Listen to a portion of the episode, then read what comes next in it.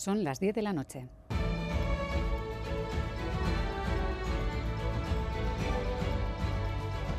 Radio Euskadi y Radio Vitoria. Servicios informativos.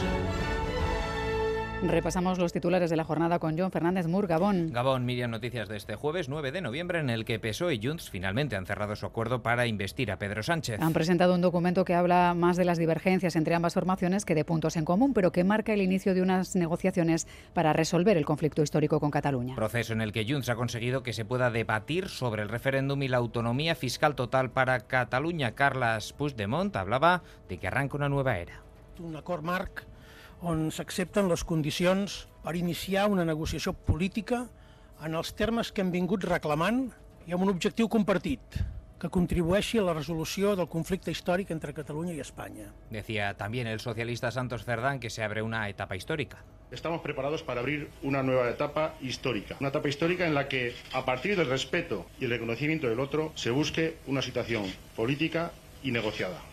Al igual que en el acuerdo con Esquerra, también se contempla una ley de amnistía. Seguimos sin conocer la letra pequeña de esa futura norma, aunque ya sabemos que tendrá amplios efectos. Incluso tendrá en cuenta casos de abuso judicial. Una referencia en el acuerdo que han criticado las asociaciones judiciales. Queda eso sí por cerrar el acuerdo con el Partido Nacionalista Vasco. Decía Santos Cerdán a mediodía que el acuerdo estaba a punto de cerrarse, pero en Sabinechea aseguran que siguen negociando sobre la mesa traer todas las transferencias sin excepción, incluida la gestión de la seguridad social y reclamaciones relacionadas con el modelo de país. Está por ver también si el pacto es de investidura o de legislatura y si se pone en condiciones de cumplimiento de lo que se pueda acordar, como han hecho los partidos catalanes. El Congreso prevé celebrar la investidura de Sánchez a partir del miércoles día 15. Alejo Vidal Cuadras, expresidente del PP en Cataluña y cofundador de Vox, ha sido tiroteado este mediodía en las inmediaciones de su casa en Madrid. El Ministerio del Interior descarta que se trate de un atentado político de tinte ideológico. A partir de ahí las hipótesis están abiertas, pero podría ser un crimen por encargo perpetrado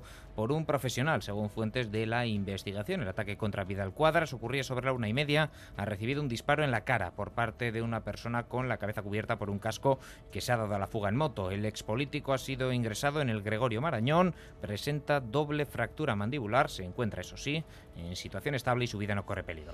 Hoy han empezado los contactos entre el gobierno vasco y la oposición sobre los presupuestos del año que viene. El consejero de Hacienda, Pedro Azpiazu, ha advertido de que solo aceptará propuestas viables. EH Bildu, el Carrequín, Podemos y UIPP han quedado en trasladar en los próximos días los cambios con detalle que creen necesario hacer en el proyecto. Las formaciones de izquierdas reclaman más fondos para sanidad o educación pública y avisan que ven difícil el acuerdo, mientras el PP insiste en la rebaja de impuestos. Escuchamos a Nerea Cortajarena, EH Bildu, Miren Gorrochategui, el Carrequín Podemos y Carlos Iturgaiz, Partido Popular. Bueno, tampoco es que estemos observando una gran voluntad de acuerdo por parte de este gobierno, que estos son unos presupuestos poco ambiciosos. Ni siquiera se pone en circulación todo el dinero que, que ha sido recaudado, que no puede haber un pueblo sin escuela pública, no puede haber un centro de salud sin médico. Hay presupuesto, pero mal distribuido y mal gestionado. La convocatoria de la segunda ronda dependerá, según Pedro Azpiazu, de la viabilidad de las propuestas que le envíen los grupos. Y en página internacional miramos a Portugal. Porque finalmente el presidente luso, Marcelo Rebelo de Sousa, ha anunciado que disolverá el Parlamento y convocará elecciones anticipadas para el día 10 de marzo de 2024